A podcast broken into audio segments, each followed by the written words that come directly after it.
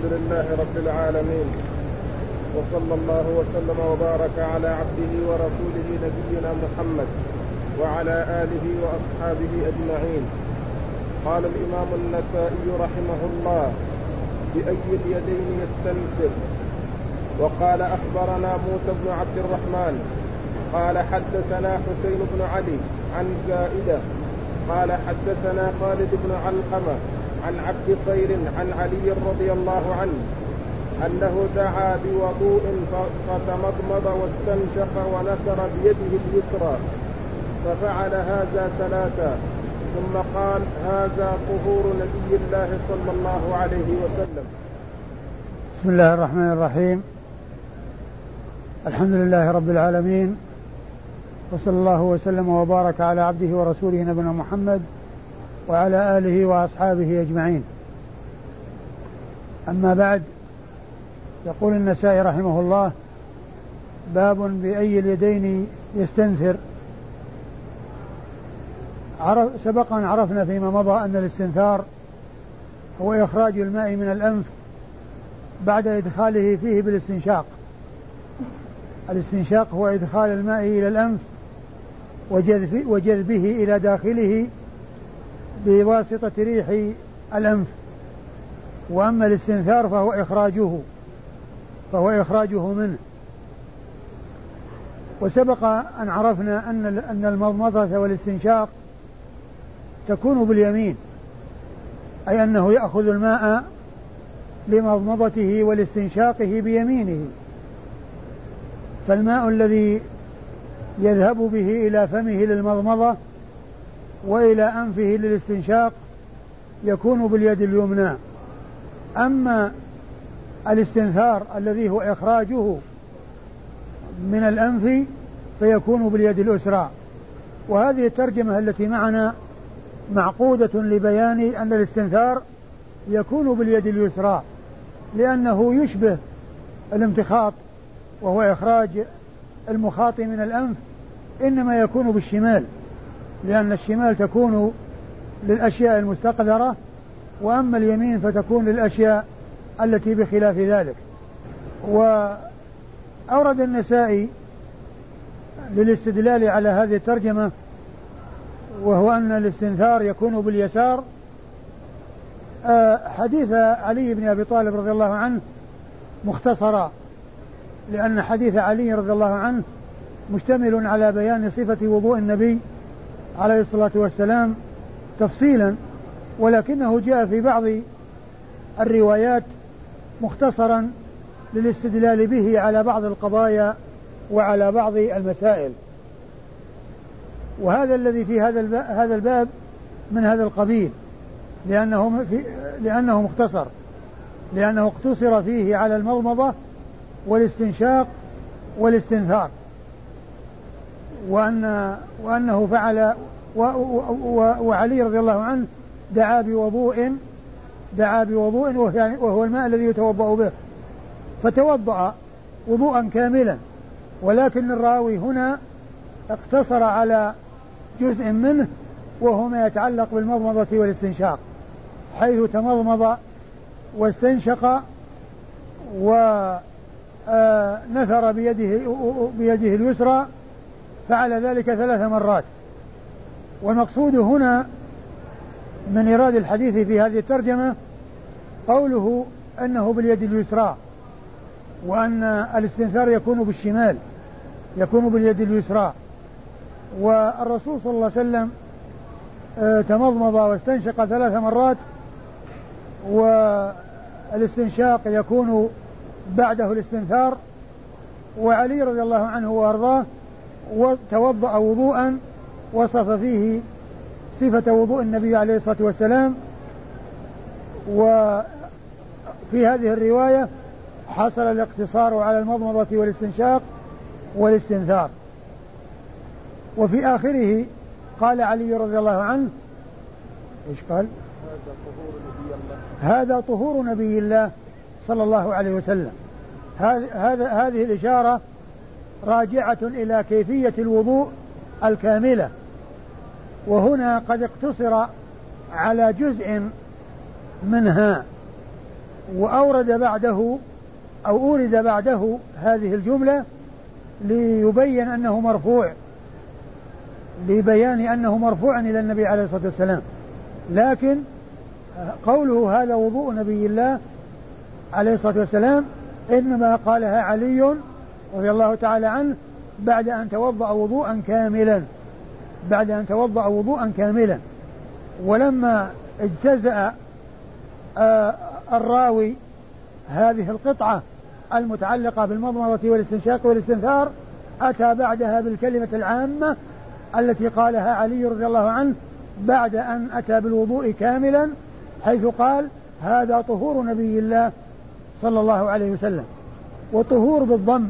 أي فعله ووضوءه لأنه سبق أن عرفنا فيما مضى أن الطهور والوضوء من الألفاظ التي إذا كانت مفتوحة الأول فإنها تكون للماء المستعمل الذي يحصل به الوضوء وإذا كانت مضمومة الأول فإنها يراد بها الفعل.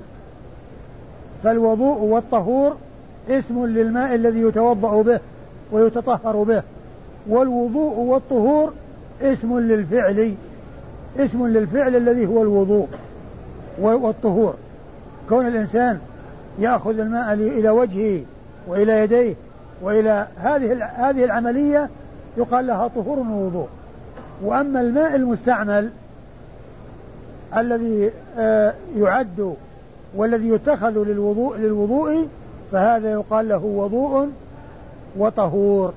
وذكرت فيما مضى أن هناك كلمات تشابه هذه الكلمات هذه الكلمتين وذلك مثل الوجور الوجور لما لما لما يوضع في الأنف لما يوضع في في الفم الوجور واللدود والسعوط لما يوضع في الأنف والطهور والوضوء والسحور كل هذه ألفاظ إذا فتحت فهي اسم للشيء الذي يستعمل وإذا ضمت فهي اسم للعمل وللفعل. وأما إسناد الحديث فيقول النسائي أخبرنا موسى بن عبد الرحمن. موسى بن عبد الرحمن. وموسى بن عبد الرحمن هو ابن مسروق ابن سعيد بن مسروق الكندي الكوفي الكندي الكوفي وهو ثقة خرج حديثه الترمذي والنسائي وابن ماجه. خرج حديثه الترمذي والنسائي وابن ماجه خرجوا حديث هذا الرجل الذي هو موسى بن عبد الرحمن بن سعيد بن مسروق الكندي الكوفي ويقال له المسروقي نسبة إلى جده مسروق وهو كوفي وهو ثقة. حديثه عند الترمذي وعند النسائي وعند ابن ماجه. وموسى بن عبد الرحمن هذا يروي عن حسين بن علي. حسين بن علي هو الجعفي. حسين بن علي الجعفي.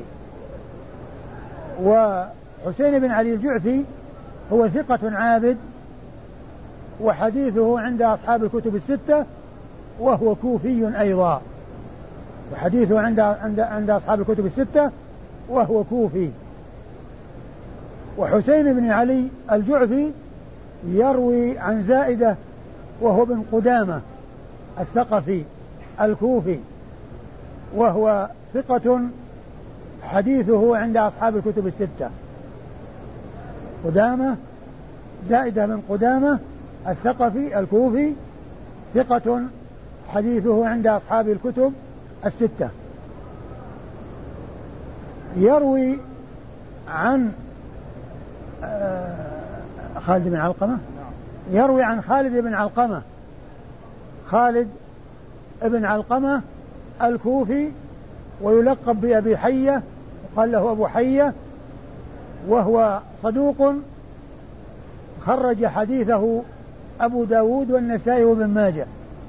خرج حديثه أبو داود والنسائي وابن ماجه. هو مثل الأول إلا أن الأول خرج له الترمذي وهذا خرج له أبو داود. كل واحد من موسى بن عبد الرحمن وخالد بن علقمة خرج له ثلاثة من أصحاب الكتب من أصحاب السنن. إلا أن موسى بن عبد الرحمن خرج له الترمذي ولم يخرج له أبو داود. وأما خالد بن علقمة فخرج له أبو داود ولم يخرج له الترمذي. خرج له أبو داود يعني خرج له الثلاثة ولم يخرج له آه، الترمذي. آه، وهو كما قلت صدوق وهو أيضا كوفي. آه،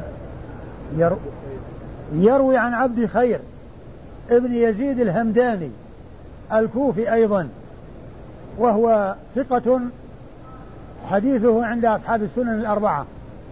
عند أصحاب السنن الأربعة. وعبد خير يروي عن علي وعبد خير هذا مخضرم من المخضرمين.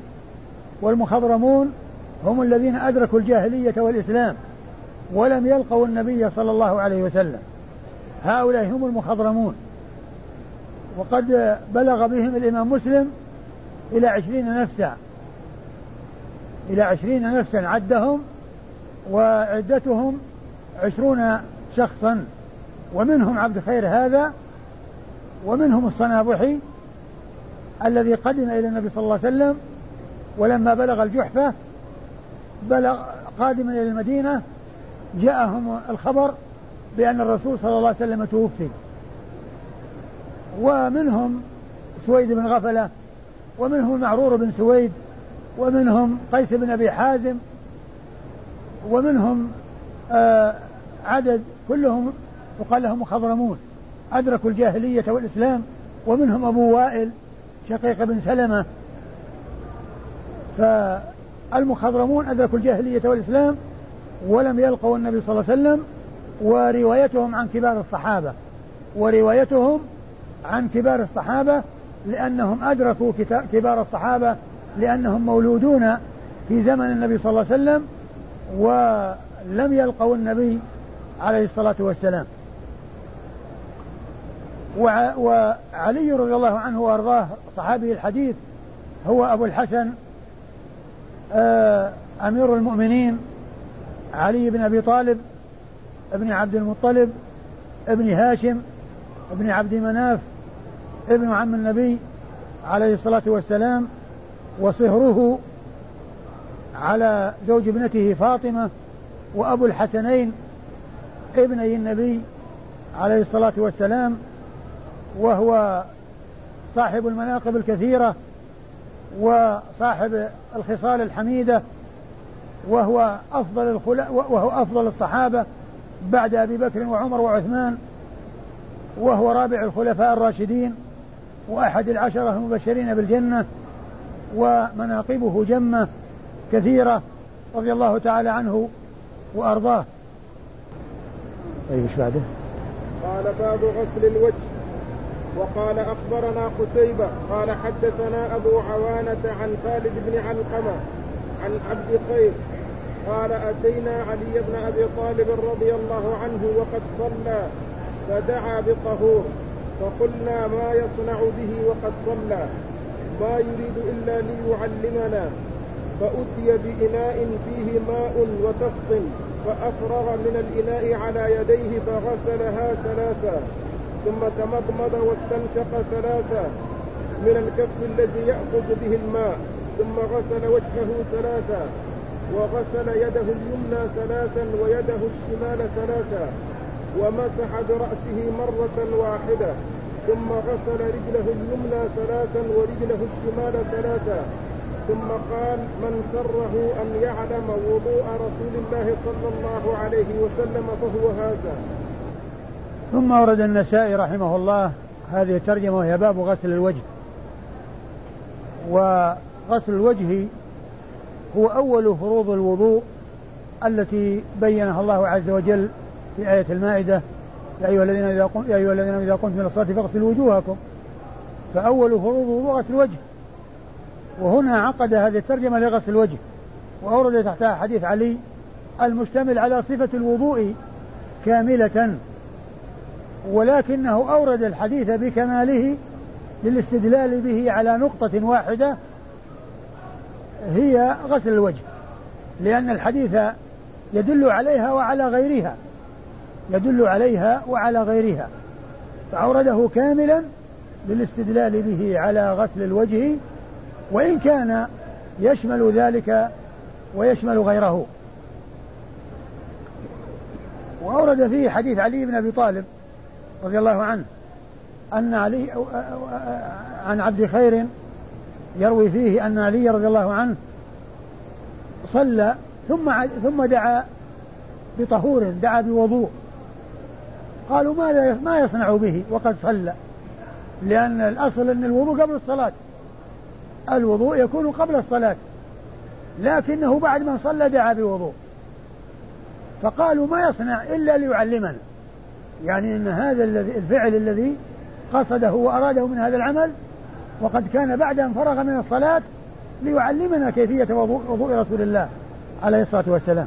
هكذا فهموا. هكذا فهموا من عمله وأن هذا يكون بعد الصلاة. لأن لو كان قبل الصلاة يكون في وقته المناسب الذي لا لا يستغرب. ولكن كونه يكون قد صلى ثم يدعو بماء ويتوضأ أمام الناس إذا قصده والذي دفعه إلى هذا هو أن يعلم الناس كيفية وضوء النبي عليه الصلاة والسلام. وهذا يدلنا على ما كان عليه أصحاب الرسول عليه الصلاة والسلام ورضي الله عنهم وأرضاهم من الحرص على بيان السنن وعلى إيضاحها للناس وعلى تعليم الناس إياها ولو لم يسألوا ولو لم يسألوا بدون سؤال.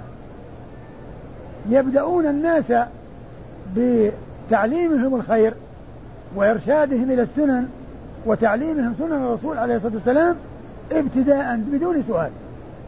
فهذا يدلنا على ما كانوا عليه من الفضل وعلى الصدق والإخلاص وعلى قيامهم بتبليغ سنة الرسول عليه الصلاة والسلام وأن ذلك لا يختص بأن يسألوا بل يبذلون العلم دون أن يسألوا. يبذلون العلم بدون سؤال ويبينونه بالقول والفعل. يبينون ذلك بالقول والفعل. وأحيانا فأحيانا يكون بالقول وأحيانا يكون بالفعل وأحيانا يكون بالقول والفعل لأنه هنا لأن علي رضي الله عنه بين ذلك بالفعل ثم قال من سره أن آه، يعلم وضوء رسول الله صلى الله عليه وسلم فهو هذا. بين ذلك بالقول بعد الفعل. وهذا هو الذي به تبين أن الحديث مرفوع. هذه الجملة اللي في آخره هي التي بينت أن ذلك هذا الفعل مضاف إلى النبي عليه الصلاة والسلام. لأن فعل علي هذا العمدة فيه ما أخذه عن رسول الله عليه الصلاة والسلام ولهذا لما توضأ وهم يشاهدون ويعاينون قال رضي الله عنه من سره أن أن ينظر أن يعلم وضوء رسول رسول الله صلى الله عليه وسلم فهو هذا و إيش الحديث يقول؟ أوله دعا بوضوء عن عبد خير قال أتينا علي بن أبي طالب رضي الله عنه وقد صلى فدعا بطهور فقلنا ما يصنع به وقد صلى. يعني قالوه في أنفسهم أو فيما بينهم.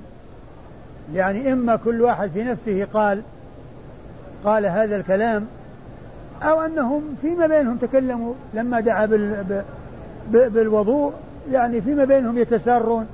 يعني إيش الذي آه، يدفعه إلا ليعلمنا. يعني هكذا فهموا. وفعلا هذا هو الذي حصل. لأنه توضأ ثم قال من سره أن يعلم وضوء رسول الله فهو هذا. من سره أن يعلم وضوء رسول الله صلى الله عليه وسلم فهو هذا. يعني هذا الذي فعلته من أوله إلى آخره. هذا الذي فعلته من أوله إلى آخره. أيوة. قال فقلنا ما يصنع به وقد صلى ما يريد إلا ليعلمنا.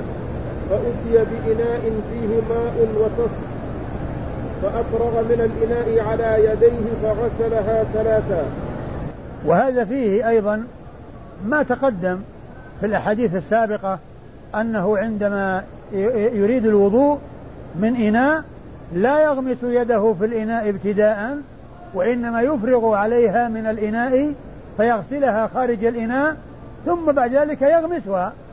يغمس يده اليمنى ويخرج منها الماء لإكمال بقية أعضاء الوضوء.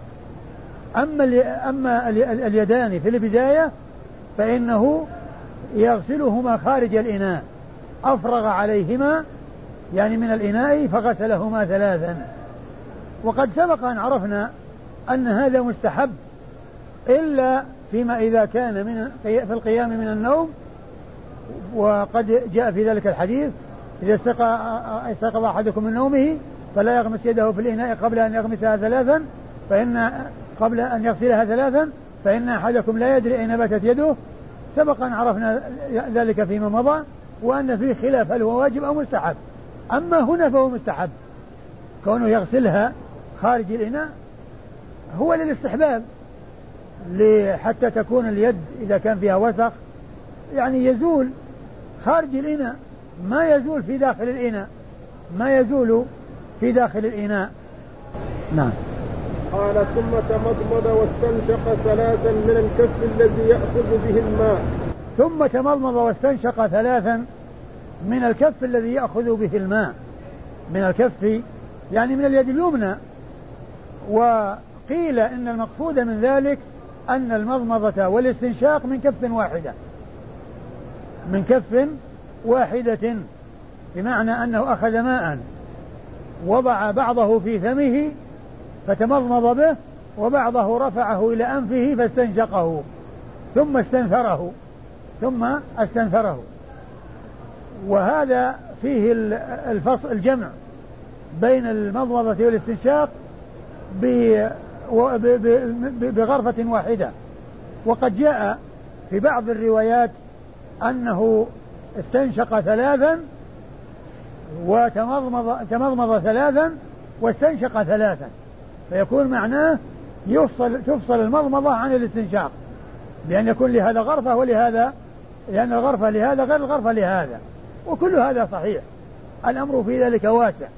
إن تمضمض بكف واحدة واستنشق بكف واحدة أو تمضمض واستنشق من كف واحدة فكل هذا سائغ وجائز.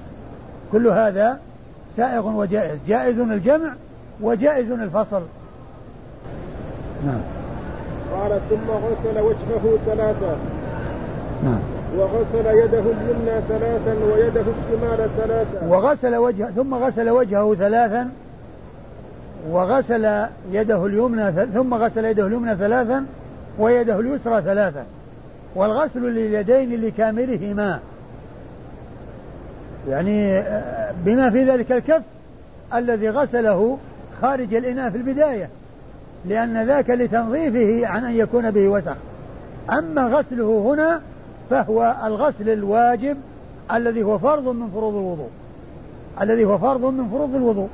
فهو يغسل اليدين كاملتين من أطراف الأصابع إلى المرفقين والمرفقان داخلتان الغاية داخلة في المغية الغاية داخلة في المغية فالمرفقان مغسولتان مع اليدين. فغسل اليد اليمنى ثلاثا ثم اليد اليسرى ثلاثا. أيوة. قال ومسح برأسه مرة واحدة. ومسح برأسه مرة واحدة. مسح برأسه يعني الذي فعله علي رضي الله عنه أنه مسح برأسه مرة واحدة. وهذا المسح جاء مبينا في بعض الروايات أنه يبدأ من مقدم رأسه حتى ينتهي إلى مؤخره ثم يعود إلى المكان الذي بدأ منه. ثم يعود أقبل بهما وأدبر. يعني يذهب بهما إلى مؤخر الرأس ثم يأتي, يأتي بها يأتي بهما إلى مقدم الرأس. أيوه. قال ثم غسل رجله اليمنى ثلاثا ورجله الشمال ثلاثا. ثم غسل ثم غسل رجله اليمنى ثلاثا ورجله اليسرى ثلاثا. وعلي رضي الله عنه وأرضاه صرح بالغسل. وهذا أمير المؤمنين علي الذي تزعم الرافضة بأنهم من أتباعه ومن أحبابه يقولون يقولون بأن فرض الرجلين المسح وليس الغسل. وعلي رضي الله عنه وأرضاه يروي عن الرسول صلى الله عليه وسلم أنه غسلهما. أنه غسلهم فهم مخالفون فهم مخالفون لعلي رضي الله عنه وأرضاه.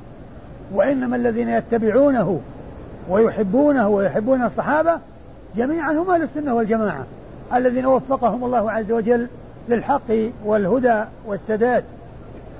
وأما الرافضة المخذولون فإنهم خذلوا فغلوا في علي وبعض أهل البيت وجفوا في حق أصحاب الرسول صلى الله عليه وسلم ورضي الله تعالى عن الصحابة أجمعين. الحاصل أن علي رضي الله عنه وأرضاه حكى كيفية غسل الرسول صلى الله عليه وسلم وأنه غسل رجليه غسل رجله اليمنى وغسل رجله اليسرى وقال هذا طهور رسول الله من سره ان أن يعلم طهور رسول الله صلى الله عليه وسلم فهو هذا.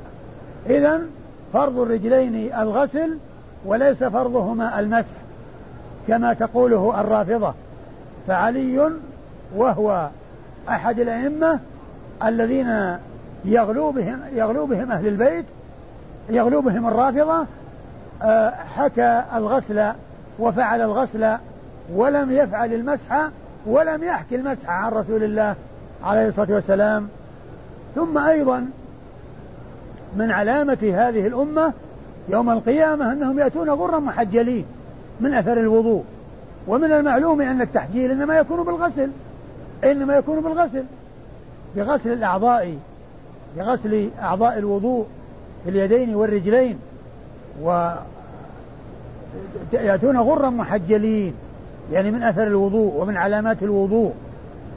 كل هذا يبين أن الفرض للرجلين إنما هو الغسل وليس المسح الذي تزعمه الرافضة. وما يذكر عن ابن جرير الطبري أنه كان يرى المسح وليس الغسل فإن هذا لا لم يصح عنه وإنما الذي آه، آه، جاء عنه واحد من الرافضة اسمه محمد بن جرير أبو جعفر محمد بن جرير آه، وافق ابن جرير الطبري في كنيته وفي اسمه واسم أبيه. وذاك الرافضي أبو جعفر ابن جرير ابن رستم محمد بن جرير ابن رستم. وقد ذكر آه، الذهبي وابن حجر العسقلاني في اللسان والميزان ترجمة الاثنين آه، ابن جرير الإمام من أهل السنة وابن جرير الرافضي الذي هو صاحب آه، الكلام في هذه المسألة. فالمصيبة أو البلية التي حصلت لابن جرير بسبب موافقته لذلك الرافضي في اسمه ظن بعض من لا يعرف أن هذا أن ابن جرير الطبري الذي آه، يحكى عنه آه، المسح على الرجلين ظن أو ظن أنه ذلك الإمام وإنما هو ذلك الرافضي كما بين ذلك الحافظ بن حجر في ترجمته في لسان الميزان في ترجمته في لسان الميزان وقال إن الذي جاء عنه هو هذا وقال إنه مؤلف من الرافضة له مؤلفات اللي هو أبو جعفر محمد بن جرير بن رستم هذا له مؤلفات. اللي هو الرافضي. نعم.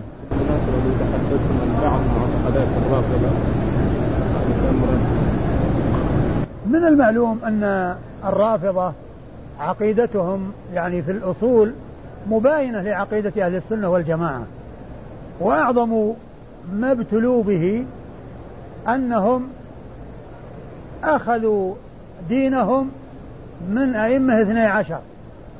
من أئمة اثني عشر. أولهم علي رضي الله عنه وآخرهم صاحب السرداب وآخرهم صاحب السرداب آه عقيدتهم مأخوذة من هؤلاء. وما جاء عن الصحابة لا يعولون عليه. لأنهم يعولون على ما جاء عن المعصومين. وهم وهم الأئمة الاثنى عشر. و فعقائدهم وأصولهم وفروعهم مأخوذة من هذا المنهج ومن هذا الطريق. وإذا فهم مباينون لأهل السنة تمام المباينة. ولهذا فهم يبغضون الصحابة ويسبونهم وفي مقدمتهم أبو بكر وعمر وعثمان رضي الله تعالى عن الجميع. وقد قال أبو زرعة الرازي وكلامه موجود في الكفاية للخطيب البغدادي إذا رأيتم من ينتقص أحدا من أصحاب رسول الله عليه الصلاة والسلام فاعلموا أنه زنديق وذلك أن الكتاب حق والرسول حق وإنما وإنما بين لنا الكتاب والسنة أصحاب رسول الله عليه الصلاة والسلام وهؤلاء يريدون أن يجرحوا شهودنا ليبطلوا الكتاب والسنة والجرح بهم أولى وهم زنادقة. والجرح بهم أولى وهم زنادقة. هذا كلام أبو زرعة الرازي وهو من علماء القرن الثالث الهجري. وكلامه في غاية الوضوح لأنهم لأن القدح في الناقل قدح في المنقول. القدح في الناقل قدح في المنقول. والكتاب إنما عرفناه عن طريق الصحابة والسنة إنما عرفناها عن طريق الصحابة. فإذا قدح في الصحابة معناه قدح في الكتاب والسنة. قدح في الكتاب والسنة. وإذا عرف هذا المبدأ فكل ما وراءه تابع له. فكل ما وراءه تابع له. قال عدد غسل الوجه. وقال أخبرنا سويد بن وقال أخبرنا سويد بن نصر. قال أخبرنا لا الإسناد الإسناد الإسناد. يقول النسائي أخبرنا قتيبة بن سعيد. وقتيبة هذا تكرر ذكره في سنن النسائي كثيرا وهو أول شيخ روى عنه في سننه. أول شيخ روى عنه في سننه هو قتيبة. وكثير من الأسانيد التي مرت بنا يعني جاء فيها ذكر قتيبة بن سعيد. وقتيبة بن سعيد كما عرفنا مرارا وتكرارا هو أحد الثقات الأثبات وحديثه عند أصحاب الكتب الستة. نعم. حدثنا أبو عوانة. حدثنا أبو عوانة. أبو عوانة هذا هو الوضاح بن عبد الله اليشكري. الوضاح ابن عبد الله اليشكري. وأيضا قد مر بنا هذا. مر بنا وهو مشهور بكنيته. وقد ذكرت فيما مضى أن من الأمور المهمة في معرفة علوم الحديث معرفة من و... معرفة أصحاب الكنى. وفائدة هذه المعرفة ألا يظن الشخص الواحد شخصين. إذا ذكر مرة بكنيته ومرة باسمه فالذي لا يعرف أن الوضاح بن عبد الله اليشكري كنيته أبو عوانة لو جاء أبو عوانة في موضع و آه، الوضاح بن عبد الله في إسناد آخر يظن من لا يعرف أن هذا غير هذا. وقد مر بنا قريبا آه، آه، كثير أبو هاشم إسماعيل إسماعيل بن كثير أبو هاشم إسماعيل بن كثير في إسنادين متجاورين في أولهما اسمه وفي الثانية كنيته فالذي ما يعرف أن أن أن الكنية لهذا الرجل يظن أن أبو هاشم غير غير إسماعيل بن كثير. يظن أن أبا هاشم غير إسماعيل بن كثير. وأبو عوانة هذا هو الوضاح بن عبد الله اليشكري وهو ثقة وممن خرج حديثه وخرج حديثه أصحاب الكتب الستة. وذكرت لكم فيما مضى أن من العلماء المحدثين من يوافقه في الشهرة بالكنية وهو أبو عوانة يعقوب بن إسحاق الاسترائيني صاحب المسند أو المستخرج أو الصحيح. على المستخرج على صحيح مسلم. يقال له ثلاث أسماء.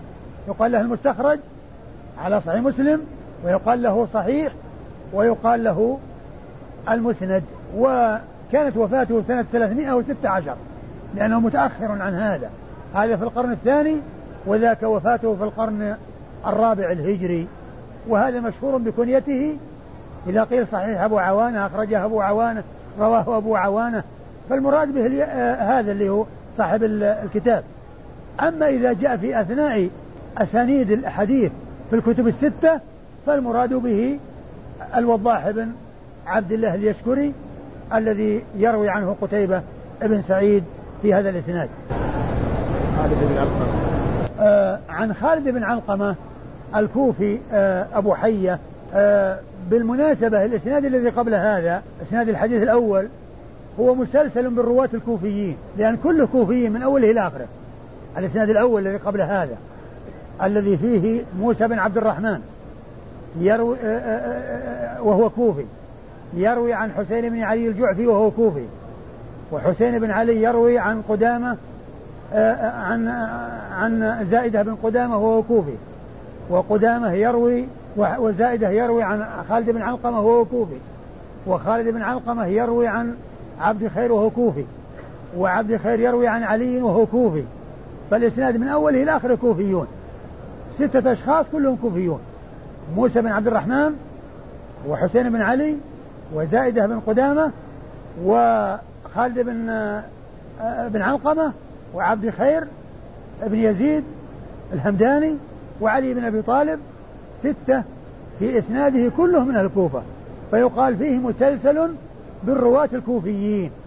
والمسلسل عند العلماء هو الذي يتفق الرواة في الإسناد هو ما يعني يكون فيه الاتفاق في صفة كهذا بأن يكون كلهم كوفيون أو يكون كلهم يعني آه، مثلا مصريين أو آه، مسلسل بصيغة من الصيغ أو مسلسل بأي صفة من الصفات التي يحصل بها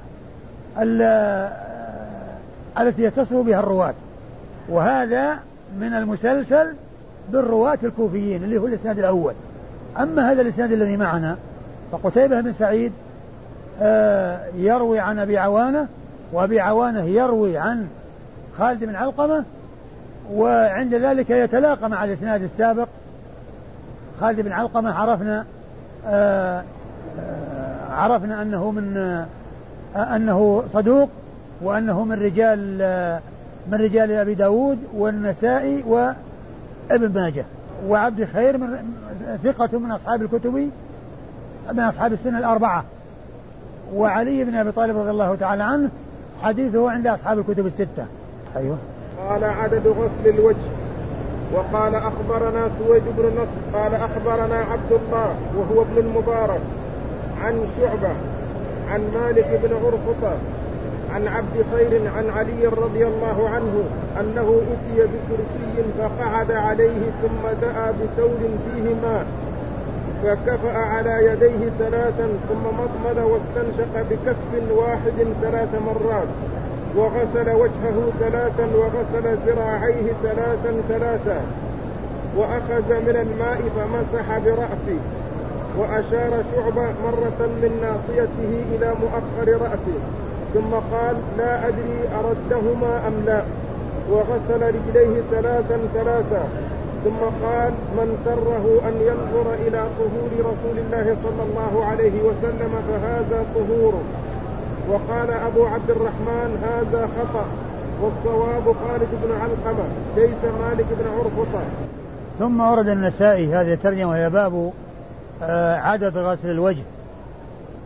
لأنه الترجمة الأولى لغسل الوجه. وهي مشتملة على أن الوجه يغسل ثلاثا. وهنا أتى بالترجمة من أجل عدد غسلات الوجه وأنها ثلاثا. فأورد حديث بطريق أخرى حديث علي بطريق أخرى ليستدل به على العدد. والأول استدل به على أصل الغسل على أصل الغسل. فأورد في حديث علي بن أبي طالب رضي الله عنه وهو مشتمل على ما ترجم له المصنف كما أن الحديث الذي قبل هذا مشتمل إلا أنه على عادته كما عرفنا يعني يعدد التراجم ويأتي بأحاديث تحت التراجم وتكون تلك الأحاديث آه، بينها وبين الأحاديث بين بينها فروق إما في الأسناد أو في المتون أو فيهما جميعا أو فيهما جميعا. وهنا الحديث في تفاوت في الإسناد وفي أيضا تفاوت في المتن وكل من الاثنين يدل على غسل الوجه ثلاثا. إلا أن الترجمة الأولى لأصل غسل الوجه والثانية لعدد غسلات الوجه. لعدد غسلات الوجه. ومن المعلوم أن التثليث في غسل الأعضاء أعضاء الوضوء جاءت به السنة وهو أفضل صفات الوضوء وأكملها أن يكون بالتثليث يعني ثلاثا ثلاثة. ويجوز اثنتين اثنتين وقد جاءت بذلك السنة ويجوز مرة مرة وقد جاءت بذلك السنة ويجوز التفاوت بأن يكون بعضها يغسل مرة وبعضها اثنين وبعضها ثلاث كل هذا سائغ وجائز. وجاءت به السنة عن رسول الله عليه الصلاة والسلام. لكن أكملها أن يكون الغسل ثلاثا. أكملها أن يكون الغسل آه ثلاثا. إيش يقول الإسناد؟ أخبرنا سويد بن نصر.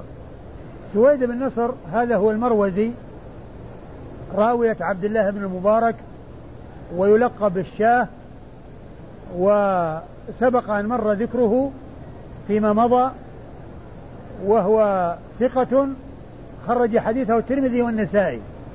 خرج حديثه الترمذي والنسائي فقط. يعني أربعة من أصحاب الكتب ما خرجوا له وإنما خرج له اثنان من أصحاب السنن وهما الترمذي والنسائي وهما الترمذي النسائي وهو مروزي كما أن الذي يروي عنه وهو عبد الله بن مبارك مروزي أيضا. وأحيانا يأتي عبد الله غير منسوب فيحمل على أنه ابن مبارك لأن كل منهما مروزي وأيضا هو راوية له اللي هو سويد بن نصر راوية لعبد الله بن المبارك. وفي الإسناد هو ابن المبارك هو ابن المبارك وهو ابن المبارك. الذي قال وهو ابن المبارك هو من دون سويد بن نصر كما سبق أن عرفنا ذلك. لأن سويد بن نصر ما يحتاج أن يقول هو وإنما يقول فلان ابن فلان ويمكن ينسب كما يشاء. لكن لما كان سويد بن نصر تلميذه ذكره باسمه فقط ولم يذكر اسم أبيه فالذين دونه إما النسائي أو من دون النسائي قالوا هو ابن فلان هو ابن فلان يعني من أجل الإيضاح والبيان. وعبد الله بن مبارك هو أحد الأئمة الكبار والثقات الحفاظ وممن جمعوا بين العلم والعبادة وقد قال عنه الحافظ في التقريب كما ذكرت ذلك مرارا قال حافظ متقن حجة عالم جواد مجاهد جمعت فيه خصال الخير جمعت فيه خصال الخير فهو ثناء عظيم على هذا الإمام ثناء عظيم على هذا الإمام الذي هو عبد الله بن المبارك رحمة الله عليه. وحديثه عند أصحاب الكتب الستة. حديثه عند أصحاب الكتب الستة كما سبق أن عرفنا ذلك. عن شعبة وشعبة هو ابن الحجاج أمير المؤمنين في الحديث الذي وصف بهذا الوصف وهو من أعلى صيغ التعديل. من أعلى وأرفع صيغ التعديل أن يقال عن شخص أمير أمير المؤمنين في الحديث.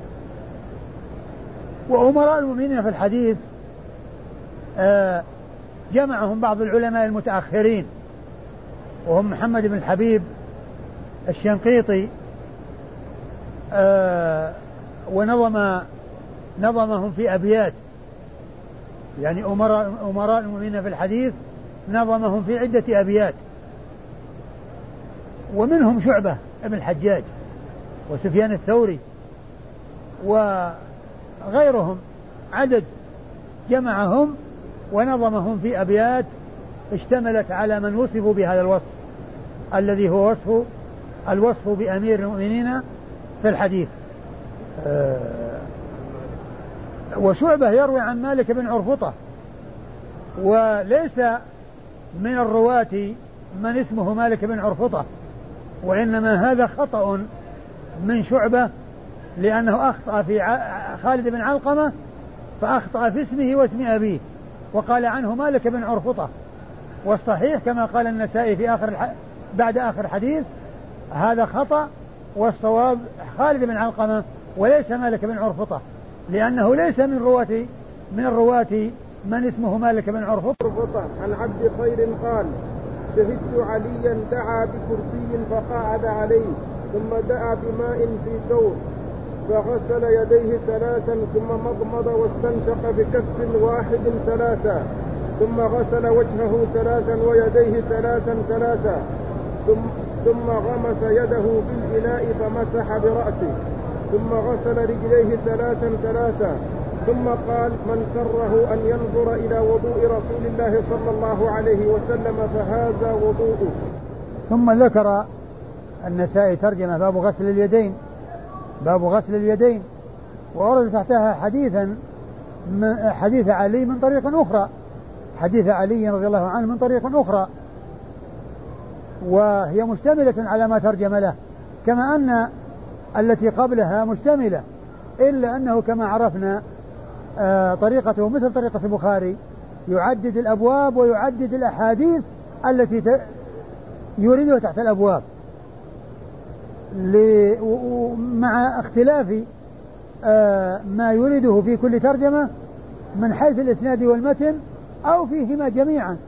يعني لا يكون التكرار يعني آه، يعني مع مع تكرار الأحاديث يكون بينها تفاوت إما في الإسناد والمتن أو فيهما جميعا أو فيهما جميعا. وفي هذه الرواية التي قبلها أنه جلس على كرسي وكان هذا يريد حتى يروه كلهم. يعني حتى الحاضرون يرونه جميعا لأن قصده التعليم. قصده من هذا الوضوء أن يعلمهم وضوء رسول الله عليه الصلاة والسلام ورضي الله تعالى عن علي وعن الصحابة أجمعين.